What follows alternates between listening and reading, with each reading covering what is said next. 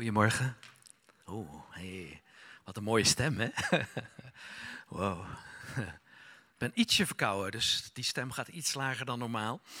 Maar dat is niet zo erg. Dat uh, geeft erg veel rust, vind je niet? Ja. Gaaf om weer hier te zijn en de zaal steeds voller te zien worden. Dat is bijzonder. Dat betekent, eh, we hadden het er net over, dat er rust is in de stal. Dat de schapen graag binnenkomen, als je even dat beeld gebruikt. Ehm, het is ook bevrijdingsdag. Tja, ja. En natuurlijk denken we dan aan oorlog die geweest is. Uh, mensen die daar hun leven voor gegeven hebben. Maar we denken ook aan de bevrijding van Jezus die zijn leven gaf. Wanneer was jouw bevrijdingsdag? ja, dat is een slimme vraag. Hè? Daar moet je even over nadenken. En dan denk je, wat bedoelt hij eigenlijk? Hè? Misschien geef ik wel het verkeerde antwoord. Nou, we, hebben, we zijn uit Israël teruggekomen. Er waren ook mensen uit de gemeente bij. En uh, die hebben hun bevrijdingsdag meegemaakt. Hè? Ja, ja, Karin en Kiran. Geweldig, ga eens even staan. ja, want die zijn gedoopt. Gedoopt in de Jordaan. Geweldig, ga maar lekker zitten. En uh, uh, hoor hun verhalen. Bevrijdingsdag is wanneer het oude leven afgelegd wordt en je opstaat in een leven dat nooit meer ophoudt. Vind je dat niet geweldig? Er is een moment waarin je sterft, geestelijk gezien, waarin je ondergaat en dat je opstaat in een nieuw leven. En dat is bevrijdingsdag. Wie van jullie is hier gedoopt? Ja, weet je nog je bevrijdingsdag? Ja, Sommigen die denken van, nou, dat is wel heel lang. Voor mij was het ook heel lang geleden. Ik was 13 in zwembad Ozebi in Utrecht. Nou, hè. Maar met terugwerkende kracht doet het nog steeds zijn werk. Dat is bijzonder, hè? Ja, want dat is een daad die je doet waarin God bevestigt wat hij in eeuwigheid met je van plan is, namelijk dat je zult leven. En dat je het leven zult genieten. Dat is geweldig.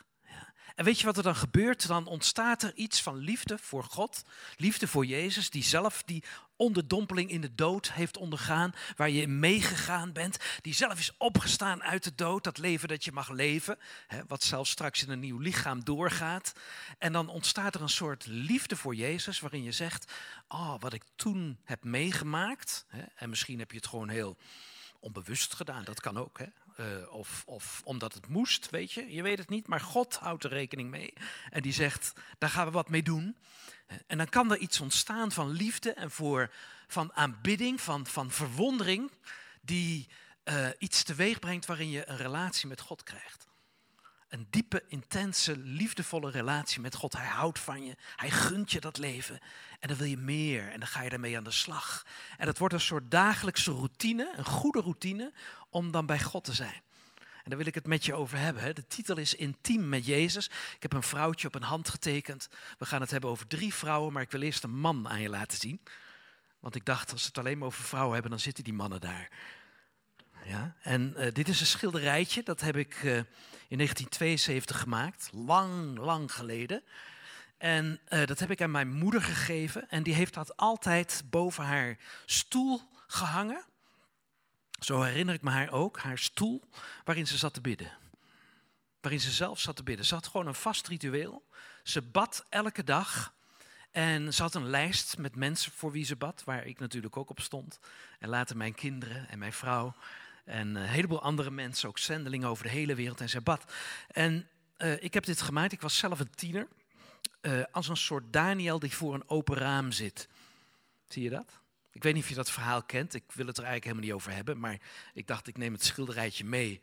En, uh, want er moet een man in mijn preek zitten. ja, omdat ik het over vrouwen ga hebben. Ik dacht, ik neem het gewoon maar mee. En terwijl ik hier zat, dacht ik, ik wil er toch even iets over vertellen. Want eigenlijk doet David hetzelfde wat die vrouwen ook doen, waar ik het over wil hebben. Daar zit een patroon in. Hij doet zijn raam open, want hij wil bewust in contact staan met de God van Israël. Maar hij zit zelf zit hij in Babylon. Bij, uh, bij de Perzen, het rijk van de Mede en de Perzen. Hij overleeft een aantal koningen en dat komt omdat hij daar zit te bidden. Echt waar.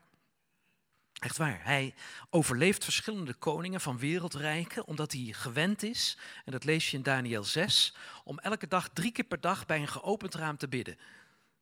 Dat is grappig, hè? Uh, hij is geen moslim, hij doet het beter dan de moslims, want hij gelooft in de levende God die onze vader is, die zijn zoon gegeven heeft. En met een blik in de hemel ziet hij dat allemaal al. Hij profiteert daarvan. Als je verder gaat lezen, moet je maar eens doen. Dan ziet hij een mens die eeuwig zal leven en die een koningschap voor eeuwig zal hebben. Gaat over Jezus. En uh, het wonder is als je leest wat er gebeurt omdat David, of Daniel bedoel ik, drie keer per dag bidt voor het raam, dat is dat hij opgepakt wordt. Want er mag niet gebeden worden, behalve voor die geweldige grote koning Darius. Ja, is het Darius? Ik geloof het wel. En uh, dan wordt hij opgepakt en dan wordt hij in die beroemde leeuwenkuil gegooid. Ja, omdat hij drie keer per dag bidt. Hij leeft intiem met God en dat brengt hem echt in de problemen. Maar die intimiteit is zo sterk aanwezig dat die leeuwen denken, daar blijven we vanaf. Want dat heeft eeuwigheidswaarde, daar kunnen we niet aankomen. En dan wordt hij daar weer uitgehaald, even heel kort gezegd. Hè? En dan gebeurt er iets, en dat wil ik dan toch even met je voorlezen. Wat ontstaat er vanuit die intimiteit van Daniel? Dan gaat die koning gaat zich bedenken, die denkt, ik heb eigenlijk alle eer voor mezelf opgeëist. Um, ik heb Daniel in de leeuwenkuil gegooid, hij is eruit gehaald. Uh, hij kan dus zelfs met die God de leeuwen de mond snoeren. Misschien was ik wel zo'n leeuw met zijn grote bek, maar het moet anders. En dan eindigt het verhaal met, daarop schreef koning Darius aan alle volken en naties, welke taal zij ook spraken en waar ter wereld zij ook woonden. Vind je dat niet geweldig? Hè? Dat was een wereldrijk. Hij had de macht en hij zegt, ik ga het in alle talen ga ik het vertellen. Wat er moet gebeuren.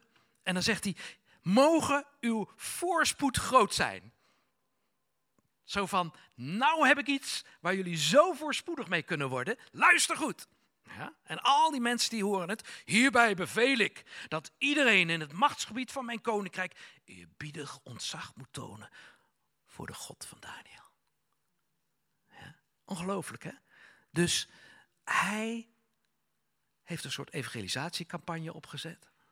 Een wereldcampagne over de hele wereld in alle talen, voor alle volken, alle naties.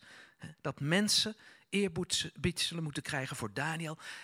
Die Daniel, die dus drie keer per dag eerbied voor God had, intiem met God leefde, zijn raam openzette naar Jeruzalem toe, daar woont God.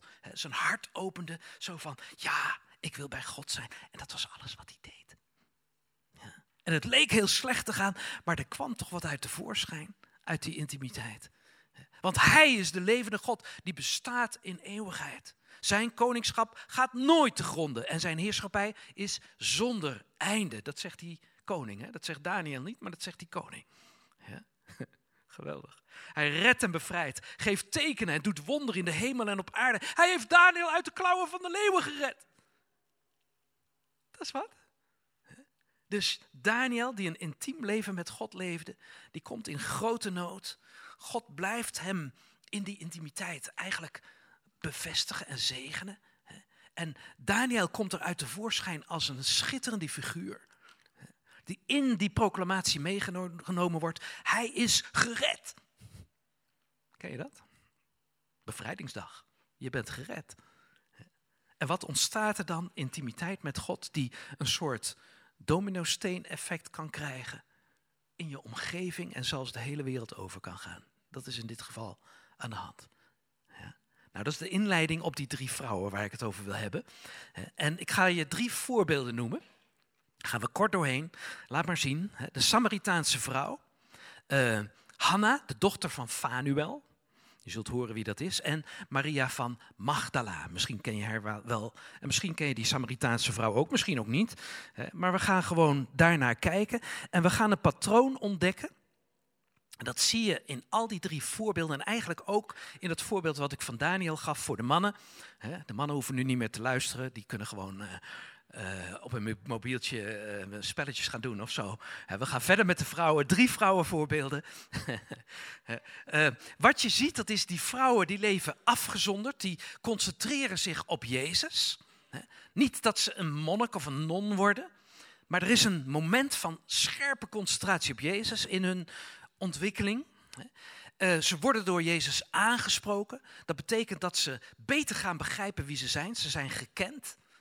Ineens is er een soort licht van, wow, ben ik zo geliefd? Ben ik dat? Weet je trouwens dat Daniel, oh wat leuk, tot twee keer toe geliefde wordt genoemd. Geliefde man. Dat is toch geweldig? Hè? Die Daniel, die zo intiem met God was, die wordt geliefde genoemd. Deze vrouwen ook. Ze worden aangesproken en ze gaan openbaring krijgen over wie Jezus nou is in die intimiteit zodat ze, ja, er ontstaat een klik, er ontstaat iets. Ze gaan beter zien wie ze zelf zijn, maar ook wie Jezus is. Waardoor er iets tot, tot bloei komt, iets opgewekt wordt. En dat is het derde punt, dat ze vol vuur, hebben we net over gezongen, vol vuur eigenlijk tevoorschijn komen.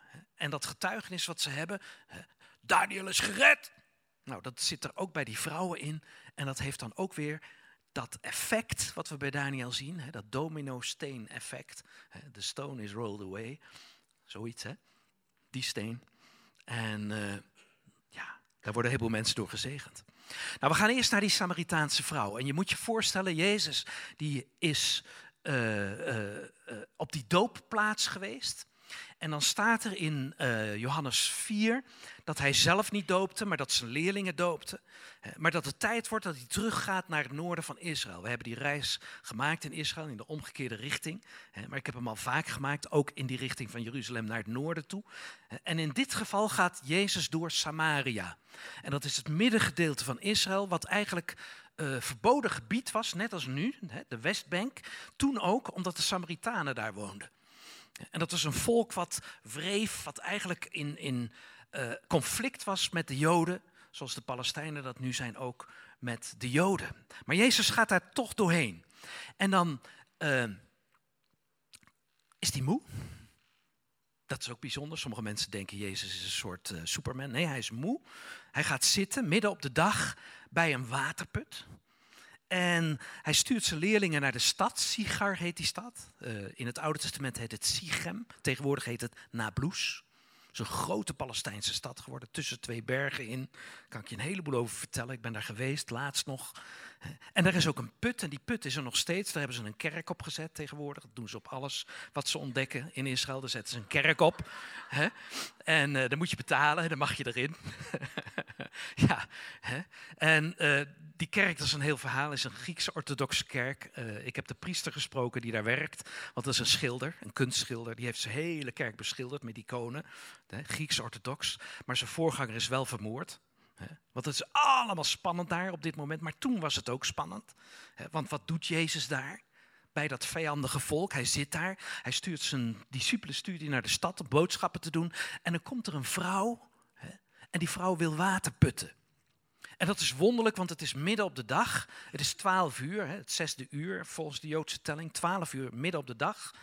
En uh, ja, dan is het warm, dan is het heet daar. Dan ga je niet water putten, want dan sta je daar te zweten en te doen. En, en vreemd, hè, die vrouw, wat doet hij daar in haar eentje? En het lijkt wel alsof Jezus daar naartoe gegaan is om een klik te maken met die vrouw. Alsof hij weet van, ik ga daar iets doen en, en, en daar ontstaat iets waar misschien wel iets heel bijzonders uit tevoorschijn komt. Uit dat contact. En dan... Uh, uh, dan ontstaat er eigenlijk een gesprekje met Jezus en die vrouw over het water van die put. Uh, ik heb die put gezien, ik heb ook uh, een flesje water thuis staan. normaal moet je daarvoor betalen bij die priester, maar ik vertelde hem wat leuk. Ehm, dat er zoveel mensen uit de hele wereld naar jouw kerk komen. Hè, die trotseren dan de Palestijnse gebieden. Komen gewoon mensen in bussen naar die kerk. Hè, en dat ze allemaal van jou het evangelie horen en in plaatjes zien in je kerk. Ik zeg, bij mij is het andersom. Ik heb een boek gemaakt over Jezus, een stripverhaal. En dat gaat naar allerlei mensen in de wereld toe. En het is echt zo'n zo'n zo'n man met zo'n baard, weet je wel. En zo'n zwart hoedje, zwart, zwart, zwart, zwarte kleding aan, weet je wel. Uh, zou zo uit de film kunnen komen. Een man van 78 is die.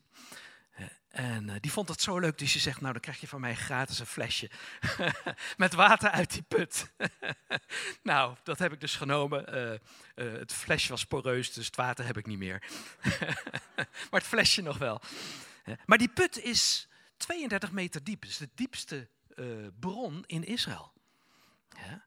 En ehm, Jezus zegt, wil je mij water geven? Uh, ja, maar hoe kun jij nou als Jood aan mij, een Samaritaanse, om water vragen? Ik ben ook nog wel een vrouw. Hè? Dat is eigenlijk nou dan. Nou, zegt Jezus, ik zal het je sterker vertellen. Eigenlijk ga ik jou water geven. En dan zegt ze, hoe kun je me nou water geven? Zegt, de put is diep. Ja, en je hebt niet eens een emmer. Leuk hè, dat staat gewoon in de Bijbel, zo'n verhaal. Zo'n grappige conversatie, dat je denkt, oh ja, zo denken mensen. De put is diep en eh, je hebt geen eens een emmer. Hoe kun jij nou water geven? En dat kun je natuurlijk gelijk vergeestelen en zeggen van, nou jongens, eh, we hebben een hoop problemen, wat kan Jezus er nou aan doen? Nou, dat is het ook eigenlijk. Hè? Wat kan Jezus er nou aan doen? En dan uh, zegt hij, maar je moet weten dat ik bijzonder water geef. Ander water dan het water wat jij normaal drinkt en hier komt halen. En dan krijg je deze tekst, Johannes 4, vers 13 en 14. Iedereen die dit water drinkt, zal weer dorst krijgen, zei Jezus. Dat water uit die put. Hè? Uh, maar wie het water drinkt dat ik hem geef, zal nooit meer dorst krijgen. Het water dat ik geef zal in hem een bron worden waaruit water opwelt dat eeuwig leven geeft. Ja, Jezus zegt, als je bij mij komt, als je iets van mij ontvangt, dan ontstaat er iets van binnen waardoor je eigenlijk verzadigd raakt. Waardoor je eigenlijk geen dorst meer hebt en waarin het eigenlijk zo sterk van binnen in je wordt dat het naar buiten komt. Dat je niet meer voortdurend bezig bent, hoe kan ik mijn eigen uh, verzadiging vinden, mijn eigen behoefte, hoe kan ik daarin voorzien op zo'n manier dat ik me lekker voel en dat ik van mijn problemen afkom en er niet meer aan hoef te denken. hoe, kun je, hoe kun je je problemen dempen of hoe kun je ze overschreeuwen. Allemaal dat soort dingen waar we mee bezig zijn. Nee, Jezus zegt, als ik in je leven kom en ik mag intiem in je leven komen, ik mag een plek in je leven krijgen, dan ontstaat er een bron, dan ga je water drinken en dat wordt een bron en dat welt op tot eeuwig leven. Dat gaat maar door. En dan snap ik wel dat die priester zegt van, nou, daar wil ik graag van uitdelen. En die, gaat dan, die heeft dan toch een emmer, ondanks dat het put diep is en die diept het uit en die schenkt het in, in zo'n potje. Maar daar gaat het natuurlijk helemaal niet over. En hij heeft eh, de, of de, de, de Samaritaanse vrouw heeft hij geschilderd, hè, meerdere keren in zijn, in zijn kerk. En mensen lopen daar langs en dan denk ik van, oh, ik hoop dat ze dit wel lezen. Ik hoop dat ze toch wel iets meekrijgen van wat hier echt bedoeld wordt. Jezus die tot verzadigingstoe iets aan je wil geven. En dat is dan een bron en die springt op en die reikt tot in het eeuwige leven. Die gaat maar door, dat stroomt maar door, dat stroomt het eeuwige leven in en het houdt nooit op. En daar kun je mee in verbinding staan. Je kunt horen dat je geliefd bent, zoals Daniel. En dat hoort deze vrouw eigenlijk ook, hè? want uh, dan beginnen ze eigenlijk een gesprek wat steeds persoonlijker wordt. En dan houdt het, eigenlijk, houdt het eigenlijk in dat Jezus blijkbaar deze vrouw beter kent dan ze dacht. Want hij zegt, uh, ga je man dan eens halen. Hè? Dan, ja, ik bedoel, uh, ik eer deze vrouw, maar er hoort wel een man bij. En dan zegt ze, ja, ik heb geen man. Nee, zegt hij, dat weet ik. Want de man die je nu hebt, dat is niet je man. je hebt er al vijf gehad. Je hebt er al vijf versleten. Waar zat die behoefte van jou? Waar was je mee bezig? Waarom kom je hier midden op de dag met je emmertje water halen? Ja? Wat heb je te verbergen? Dat de andere vrouwen daar niet bij mogen zijn en dat je niet gewoon gezellig ochtends vroeg al begint te kwebbelen met elkaar en, en bezig bent en opgenomen wordt in de groep en dan uiteindelijk weer naar huis gaat en het goed hebt samen. Nee, je bent eenzaam, je bent alleen. Wat een probleem. Dat zegt hij allemaal niet, hè? Maar hij legt gelijk de vinger op de zere wond. Je hebt zoveel mannen gehad. Wat is je behoefte? Ik kan erin voorzien. En dan gaat het niet over seksualiteit. Dan gaat het over nog een diepere behoefte dan de bevrediging die een man, een vrouw of vice versa kan geven. Dan gaat het werkelijk over het hart wat overstroomt van dankbaarheid en van liefde. En van warmte en van vrede. En van het bewustzijn, ik mag er zijn en ik ben geliefd. Dat is wat Jezus eigenlijk aanreikt. Gewoon in dat hele korte gesprekje. Uh, en dan gaat het nog verder, want dan is er dus een klik met Jezus. Want het wonderlijke is, dat zullen we later zien, dat deze vrouw eigenlijk niet afgewezen zich voelt. Als iemand zou zeggen, ja, je hebt vijf mannen gehad en de man die je nu hebt is je man niet. Dan zouden een heleboel mensen denken, wow, wat moet ik met deze vent die dit al weet? Met wie heeft hij gesproken? Hè? Wijst hij me soms af? Nee. Het wonderlijke is dat deze vrouw daar juist door getriggerd wordt en iets heeft van, wie is hij dan dat hij me kent en dat hij me niet afwijst? En dan begint ze erover dat de Samaritanen eigenlijk een groot conflict hebben met de Joden. Want de Samaritanen geloven alleen in de eerste vijf Bijbelboeken, de boeken van Mozes. En de Joden geloven in al die eerste in, in, in, de, het complete Oude Testament, 39 boeken. En dan gaat het over dat David Jeruzalem verovert en dat hij de tempel bouwt en dat alle Israëlieten naar, naar Jeruzalem gaan om daar God te aanbidden. Maar die Samaritanen zeggen, ja, maar dat is niet echt. Dat is niet het echi. De kern waar het om gaat, en wij zijn de echte gelovigen, dat zijn die vijf Bijbelboeken. Wij houden ons bij Mozes en Mozes heeft nooit gewezen naar Jeruzalem. Hij heeft nooit gezegd, daar moet je zijn. Het is pas later gekomen. Ze vergeten even dat Abraham Melchizedek al ontmoet had, de koning van Jeruzalem. Maar goed, hè, ehm, dat is hun geloof. En daar gaat de discussie over. Wij aanbidden hier op de berg, op Gerizim. Ik ben er ook geweest.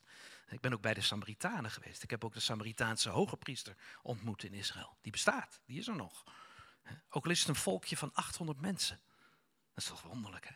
Het bestaat gewoon nog. Net alsof God zegt van, kijk, ik laat je zien wat daar gebeurd is toen met Jezus en de Samaritaanse vrouw. En dat voorbeeld van die barmhartige Samaritaan. Het zit daar nog. Hè? Maar wat doen ze daar eigenlijk? Ze slachten daar nog steeds schapen. Ze offeren daar nog steeds, terwijl Jezus als laatste offer, laatste slachtoffer gekomen is, zodat wij ons nooit meer slachtoffer hoeven te voelen. Zodat we weten hoe geliefd we zijn. En daar gaat het in dit gesprek dan ook over. En dan komt het terecht op de Messias die alles goed zal maken. En dan zegt Jezus, of de vrouw zegt in vers 25 en 26, ik weet wel dat de Messias zal komen. Leuk hè? Een theologisch gesprek. Jezus en een vrouw. En dan zegt Jezus tegen haar, ik ben het die met u spreekt. Ik ben het. Ik ben Yahweh. De naam van God. Hij zal er zijn, betekent dat. Ik ben het. Ik zal er zijn. Ik ben er voor jou. En ik spreek met je. Ja? Ik spreek met je. Weet je, als je weet dat God met je wil spreken en je wil aanspreken en wil laten zien wie die is voor je, dan zet je het raam open en dan zorg je ervoor dat je minstens één keer per dag, maar liefst drie keer per dag, gewoon maar luistert en ontvangt en leert intiem te worden met Hem. En zal ik je eens wat zeggen, als je dat een poosje doet, dan wordt het een goede gewoonte zoals het bij Daniel was. Weet je dat je na 40 dagen een gewoonte ontwikkeld hebt waar je naar gaat verlangen? Ja, dat kan roken zijn. Lekker hè? Na 40 dagen. Dat kan televisie kijken zijn. Wat een gewoonte is dat geworden in ons leven? Ja, maar het kan ook omgaan met Jezus zijn. Dat je je Bijbeltje leest, dat je rustig gaat zitten. Ik heb daar ook programma's voor gemaakt, boekjes over geschreven. Dat je gewoon goed rechtop gaat zitten, je lichaam tot rust laat komen. Gewoon in, in een 90 graden houding, ook met je armen, zodat niks meer gespannen is. Dat je rust vindt bij Jezus. En dat in die rust je gewoon alleen nog maar bezig bent met Hem. En dat je dan water naar binnen krijgt. Het besef hoe goed Hij is en hoe geliefd je bent. En hoe Hij alles volbracht heeft. Je zonden zijn je vergeven. Gaat het in Daniel ook over, wist je dat? Het hele evangelie vind je in Daniel terug. Het is ongelooflijk. Een boek wat 500, 600 jaar voor Jezus geschreven is. Die openbaring al. Weet je dat die Samaritaanse vrouw dat ook ervaart? Jezus is daar. Ze wordt afgewezen door haar omgeving, die Samaritanen, in die stad. Maar Jezus wijst haar niet af. Vijf mannen gehad, de man met wie ze leeft is haar man niet. En Jezus zit daar gewoon en vraagt van haar en geeft aan haar. Je zonde zijn je vergeven. En dan ontstaat er eigenlijk iets heel bijzonders. Dan, uh, uh, lees maar weer, hè, dan laat de vrouw haar kruik staan. En ze ging terug naar de stad en zei tegen de mensen daar: Kom mee, er is iemand die alles van me weet. Niemand mocht wat van haar weten. Toch? Ze was toch die, die menigte ontvlucht. Ze woonde er wel, maar ze leefde toch eigenlijk verborgen. Midden op de dag. Terwijl iedereen thuis siesta zat te houden. Dat zij dan haar, uh, haar, haar, haar emmertje met water kwam halen. Niemand mocht het weten en iedereen wist het natuurlijk. Hè? Maar ze wilde zich niet laten kennen in de stad. Want de roddels gingen toch wel door. Maar ze zegt, er is iemand die alles van me weet. En ze vertelt het alsof het het geweldigste is wat er gebeurd is. Kun je dat voorstellen? Ik zou zeggen, als ik wat te verbergen heb, dan mag niemand het weten. Maar hier zit iets in. Deze vrouw zegt, ik ben niet veroordeeld. Ik ben niet omvergeschoffeld. Ik ben niet bekritiseerd. Hij weet alles van me. Joehoe! Hij weet alles van me. Geweldig. Ja. Jongen. Kom mee, er is iemand die alles van me weet. Zou dat niet de Messias zijn? Zou dat niet de Messias zijn? En uh, als je dan verder leest, hè, het is leuk om dat even te lezen, ik heb dat niet geprojecteerd. Maar uh, in die stad kwamen toen veel Samaritanen tot geloof in Jezus. Door het getuigenis van de vrouw. Dat ze zei, hij weet alles van me. Tot twee keer toe staat dat erin. Hij weet alles van me. Mensen komen tot geloof. Wat is er gebeurd met deze vrouw? Die schuwe vrouw die zich verborg. Die zocht naar bevrediging, bevestiging. En het niet kon vinden en daar is Jezus. En ze is een ander mens geworden, hoe ze dan door de stad loopt en blij is en, en zich laat zien. En de stad reageert erop en mensen komen tot geloof. Samaritanen, hè? Weet je dat deze vrouw de eerste vrouw is buiten de Joden die getuigt van Jezus? Heb je daar wel eens over nagedacht? Er is altijd de discussie, ook in deze tijd, van wat doen vrouwen in de kerk? Ja, wat doen vrouwen überhaupt in de maatschappij? Nou, die discussie is al lang gevoerd. Joehoe! Die discussie is al lang gevoerd door Jezus. De eerste die die in beweging zet, die getuigt van hem, is niet een man. Is een vrouw. Is de Samaritaanse vrouw. En dan ontstaat er openbaring in de stad. Ze gingen naar hem toe en vroegen hem bij hem te blijven. En uh, toen bleef hij nog twee dagen, Jezus, in uh, hè, tegenwoordig, zoals dat heet, Sigar toen. En uh, nog veel meer mensen kwamen tot geloof door wat hij zei. En ze zeiden tegen de vrouw: Nou, we geloven nu niet meer om wat jij hebt gezegd, maar we hebben het zelf gezien en zelf gehoord. ze wordt even op de plaats gezet, maar zij was wel degene die het in beweging zette, toch? Geweldig, zij is de eerste apostel. De eerste die spreekt namens God voor een volk. Wist je dat? Ja, dat betekent apostel. De eerste die God vertegenwoordigt tegenover anderen. De eerste evangeliste, hoe je het maar wil noemen. De eerste prediker, de eerste dominee. Hoe wil je het noemen? Dat is een vrouw. In de wereld, hè? In de wereld. En dan staat er, en wij weten nu dat hij werkelijk de redder van de wereld is. Yes! Jezus kwam voor Israël. Hij zou eerst zijn werk in Israël moeten doen. En toen Israël hem afwees, ging het evangelie open voor de hele wereld. Maar voordat dat zover is, heeft Jezus al laten zien, kijk, dit is wel voor de hele wereld. En de eerste die dat beamen, die dat zeggen, dat zijn die Samaritanen, waar er nu nog maar 800 eh, van over zijn. Maar ze zijn er nog. En ze kunnen nog gaan getuigen van Jezus. Ik geloof dat God ze daarom bewaard heeft, apart gezet heeft. Dat God daar nog iets mee wil.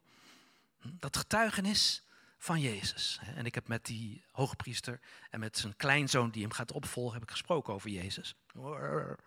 Ja, barmhartige Samaritaan, daar zijn we beroemd mee geworden. Daar zijn ze al wel dankbaar voor, maar verder moeten ze niks van Jezus hebben. Maar toch, hij is de redder van de wereld, lezen we hier. Nou, is dat geen sterk getuigenis? Niet alleen de redder van Israël, dat hoor je ook vaak in het Nieuwe Testament. Nee, de redder van de wereld. Door één vrouw die intiem was met Jezus. Nou hebben we nog een tweede vrouw. En dat is Hanna, de dochter van Fanuel. En uh, ze was, laat maar zien in Lucas 2, altijd in de tempel.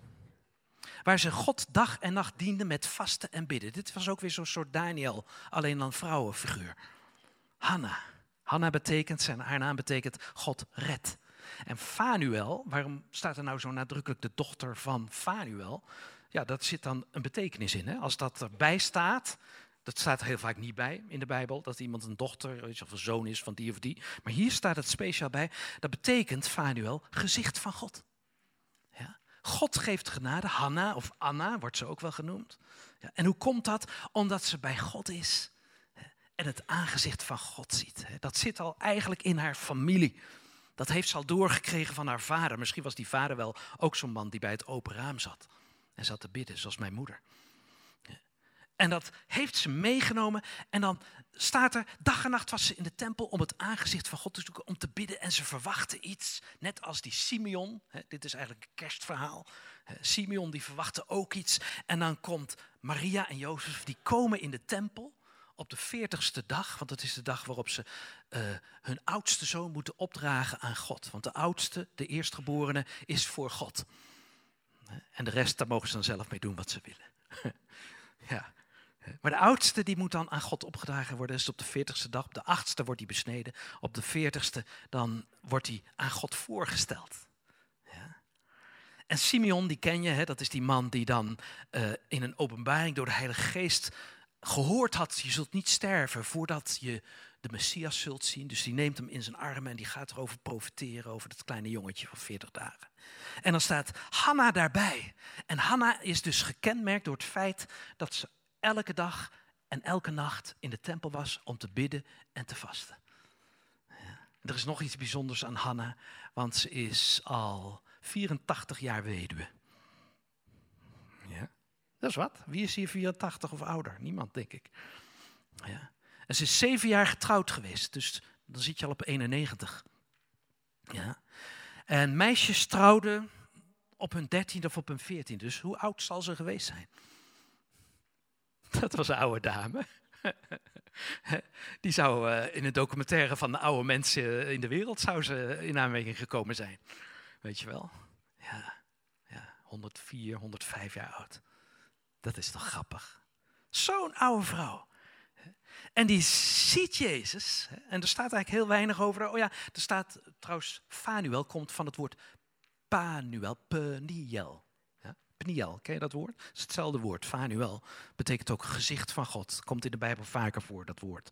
Ja. Er staat ook bij dat ze uit de stam van Aser, of Asher, komt. De achtste zoon van Jacob. En ik heb dat eens opgezocht, want dat zijn allemaal dingen waarvan ik denk van dat staat er niet zomaar. Waarom staat het er? Hè? Asher betekent gelukkig gezegend, voorspoedig. Is dat niet leuk? Die Asher, daar hoor je nooit wat over in de Bijbel. Echt nooit wat. Dat is zo'n zo'n zoon van Jacob waarvan je denkt van waar is die gebleven? Hij heeft een stukje land heeft hij gekregen aan de kust, daar waar Haifa zo'n beetje nu ligt. Maar hij is wel gelukkig en gezegend. Waar komt die zegen en dat geluk dan vandaan? Nou, Jacob die geeft hem een zegen, want die zegent alle twaalf zonen als hij sterft, weet je wel, op, op zijn bed. En dan zegt hij, zijn brood zal overvloedig zijn. Hij zal koninklijke spijzen leveren. Oh, wacht eventjes. Hier is een vrouw. Die heeft eh, brood in handen gekregen. Ze is van de stam van Azer. En dat zal koninklijke spijzen zijn. Deze vrouw gaat een profetie in vervulling laten komen. Er is iets uitgesproken eeuwen geleden. En zij maakt het waar, waarvan je van die hele Asher nooit meer wat hoort. Is hier ineens het Nieuwe Testament een vrouw die gekoppeld is aan haar achtergrond, aan haar geschiedenis. Niet alleen aan haar vader, maar zelfs aan haar stam. En ze gaat koninklijke spijs gaat ze uitdelen. ik weet al welke kant het op gaat. Jullie ook? Ja, ze krijgt, hij krijgt nog een keer zegen, die Asher. Dat is bij Mozes. Laat jouw kracht zijn overeenkomstig jouw dagen. Dat is de zegen die Mozes de stam Asher of Asher geeft. Zij is van de stam van Asher. Ja. Laat jouw kracht zijn als jouw dagen. Hoe oud is die vrouw? Ja. Wat is haar kracht? Ze gaat getuigen van Jezus in de stad. Ze is daar in die tempel geweest, jongetje van 40 dagen. En ze heeft zoiets van: dit gaat hem worden. Dit gaat het worden wat God altijd al gewild heeft. De man die God altijd al gezorgd heeft. Die kan instaan voor alle mensen. Omdat hij zonder zonde is. De beloofde Messias. En dat staat er dan ook. Op dat moment kwam ze naar hen toe. Dus naar Simeon en Maria en Jozef. En naar Jezus, naar dat kleine kindje. Hij, ze bracht hulde aan God en sprak over het kind. Met alle die uitzagen naar de bevrijding van Jeruzalem. Daar heb je weer die redder. En daar heb je weer iemand die getuigt, die spreekt namens God over die redder. Ja? De eerste apostel van de heidenen was de Samaritaanse vrouw. De eerste apostel voor de Joden is ook weer een vrouw. Hanna. God geeft genade. Ja? Is dat niet geweldig? Bij de geboorte al, gelijk. Er kan een kind in je leven komen wat iets zo losmaakt bij je, dat je zegt, oh wauw, er is hoop. Er is redding, er is geloof. Ik ga ervan getuigen. Dat is Jezus. En soms ook een kind wat je krijgt. Hm? Dat er weer hoop is, dat er weer zicht is op een toekomst. Dat is wat deze vrouw krijgt. Hoe lang zal ze nog geleefd hebben? We weten het niet. Gaan haar woorden in vervulling? Ja.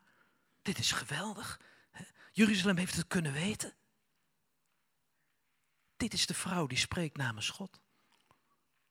En dan hebben we nog een derde. En die hou ik heel kort. Ik heb nog vijf minuten. Maar die kennen jullie beter. Dat is Maria van Magdala. En Maria, daar wordt van gezegd, dat is een vrouw, in twee evangelie staat die bevrijd is van zeven demonen. En wij weten niet precies wat voor invloed dat had in haar leven en wat die demonen dan waren. Sommigen zeggen van ja, ze had een geestesziekte, hoe dan ook. Ze zat onder invloed van machten waarin ze niet zichzelf kon zijn. Ja? Kijk, Hanna was zichzelf, die was zelf vol genade. En die sprak zich uit in die intimiteit met die kleine baby. Ja, intiem met Jezus. In dat korte moment sprak ze zich uit en kwam ze tevoorschijn. Zelfs vanuit de hele geschiedenis, vanaf, vanuit het geslacht van Azer, kwam ze tevoorschijn en maakte ze waar wie ze was. Ja? Weet je wel, ik had gezegd, er zit een patroon in, hè? Er zit een patroon in. Bij de Samaritaanse vrouw, zoals intiem met Jezus. Ze herkent in Jezus de Messias. En ze komt tevoorschijn zoals ze is, als die vrouw die zoveel mannen heeft gehad. Die een behoefte had waarin niet voorzien werd totdat ze Jezus ontdekte. En dan is ze eigenlijk degene die ze werkelijk mag zijn. Dan spreekt ze zich uit en dat heeft een domino-steen effect. Nou, bij Hanna zie je dat ook. Hè? Die komt ook tevoorschijn in de intimiteit. En dan Maria van Magdala. Maria van Magdala. Uh, ook wel weer grappig. Hè? Wij weten dus niet uit welke stam ze komt. We weten niet wie haar vader is. Maar ze komt wel uit Magdala. Ja, wij zijn in Magdala geweest. Hè? Ja, ja. Want die stad is opgegraven. En tot grote verbazing van de archeologen is die stad veel groter geweest dan we dachten. We dachten Magdala, wat is dat voor stadje? Ja. En de naam Magdala betekent toren. Toren, dat zegt wel weer wat. Hè? Uitzicht, uh, daar kun je vanaf roepen, hè, daar kun je betekenis kun je doorgeven. Maria van Magdala. ja. En wel bezeten door zeven demonen. En dan komt Jezus in haar leven en dan wordt ze bevrijd. Dat betekent dat ze zichzelf kan worden. Dus in die ontmoetingen met Jezus, want ze trok met Jezus op, ze hoorde bij die groep die samen met de discipelen door het land trok. Wij denken altijd, er waren twaalf discipelen die daar door het land trokken. Hè? Maar het was een heel circus. Ja. Het was echt een heel circus. Er waren een heleboel vrouwen bij. Vrouwen met geld ook. Hè? Die zorgden voor uh, uh, de voorzieningen die er nodig waren. Hè? Waar sliepen ze allemaal? Uh, hoe ging dat allemaal? We weten het niet. Hè? Maar er was een hele groep die meeging. Soms ook gewoon op vakantie. Daar zijn we ook geweest. Hè? In het noorden van Israël gingen ze op vakantie. Die discipelen. Ja? En meer van dat soort plekken. Maar hier dus Maria van Magdala. En Jezus sterft. Want dan zitten we eigenlijk aan het einde van het evangelie van Johannes. Jezus is gestorven. En dan lezen we, schrijft Johannes, die was er zelf bij. En dan lezen we dat um, Maria van Magdala vroeg in de ochtend naar dat graf ging om Jezus te balsemen. Maar ja, er ligt een steen voor en al dat soort ellende. hoe kan je dan het lichaam balsemen? Waren ze iets vergeten? Wilden ze dat alsnog doen? we lezen op een andere plaats dat er ook andere vrouwen gingen, maar Maria ging zelf, ging alleen. Dus toch nog een beetje afgezonderd. Hè? Toch nog een beetje een zonderling. Ja, als de man die je heeft bevrijd sterft, waar heb je dan nog je vast op te kunnen zijn wie je werkelijk bent? Ja. Val je dan niet weer terug in die patronen van die zeven of demonen of wat dan ook? Je weet het niet, hè? Hoe heeft ze daarmee geworsteld? Wat een impact heeft dat gemaakt bij die vrouw? Ja. Mijn held is weg. En dan gaat ze daar naartoe en dan schrikt ze, want dan zijn er engelen die zeggen van... Uh, hij is hier niet. En dan gaat ze terug. En dan gaan Johannes en Petrus die gaan kijken. En vandaar dat ik zei, Johannes was erbij. En die duiken daar dat graf in. En die zien dat het leeg is. En met de windsel allemaal netjes opgevouwen en dat soort dingen. En dan gaan ze terug. En Maria blijft achter. Maria blijft achter. En die zit nog steeds in die ellendige emoties, in die ellendige gewaarwording van Jezus is er niet meer. Mijn held is Gruwelijk vermoord. Daar heb ik het eerder over gehad hier. Gruwelijk vermoord. De kruisiging. Hij is in een graf gelegd. En nu is hij ook nog uit het graf verdwenen. Wat heb ik dan nog voor toekomst? Ja. Wat heb ik dan nog voor toekomst als Jezus me door de handen glipt? Die mij bevrijd heeft, die mij op mijn voeten gezet heeft. Die gezegd heeft, ik zie je zitten. Je bent anders dan mensen denken dat je bent. Je mag tevoorschijn komen. Je bent mooi, je bent geliefd. Ze had daar gestaan en ze was een van die velen geweest. En ze had het maar aan beden. Ze had gezegd, ja, met u wil ik verder. Ja, van u kan ik houden. U bent veilig. U bent goed. En nou is die verdwenen. Nou is die geroofd zelfs. En dan staat ze daar in die tuin. Ook dat kunnen we ons voorstellen als we daar geweest zijn. Waar beneden dat graf is met die steen. En in die tuin is het rustig. En dan ziet ze daar een man. En uh, ze denkt dat het de tuinman is. Ah, ze denkt dat het de tuinman is. Soms kun je in je nood, kun je iemand die dichtbij staat, zien en denken van wie is dat? En Jezus niet herkennen. Soms komt iemand in een bepaalde gedaante naar je toe. Maar zit Jezus daarin, zit Jezus daarachter. En wil hij dat je ontvankelijk wordt om bemoedigd te worden of wat dan ook. Hè? Maar dit is Jezus zelf. Dit is Jezus zelf. En wat gebeurt er dan? In die intieme sfeer, in die tuin. Waar het nog stil is, waar het rustig is, waar misschien wat vogels fluiten. Het is voorjaar, dus waar de goede geuren rondgaan. En zij ziet het allemaal niet, ze ziet alleen maar haar verdriet. En dan spreekt die tuinman, niet Adam, niet Adam, want die was de tuinman van de zonde, maar die andere tuinman. Een tuinman van een nieuw leven, van een nieuwe wereld. Die spreekt daar aan. En die zegt, wat zegt hij? Hij zegt niks. Hij zegt bijna niks. Maar hij zegt alles. Hij zegt alles. Hij zegt Maria. Want dat is ze. En Maria is de Maria zoals ze geboren is, door God gewild is, vrij van demonen. De echte Maria. En in die stem en in die woorden wordt ze, wie ze werkelijk door God gezien is, de geliefde. Degene die er mag zijn, degene die vrij is. Degene die er mag zijn voor de wereld. En dan draait ze zich om en dan zegt ze, Rabuni. Een soort liefkozend woordje voor meester. Aanbidding, verwondering, blijdschap, nieuw leven wat tevoorschijn komt. Wauw, hij is het. Hè? Ze draaide zich om en zei Rabuni. En dan zegt Jezus in Johannes 20, vers 17, hou me niet vast. Want dat had ze gewild. Oh, nou bent u voor altijd bij me. Ik ben nog niet opgevaren. Naar mijn vader opgestegen. Ga naar mijn broers en mijn zusters.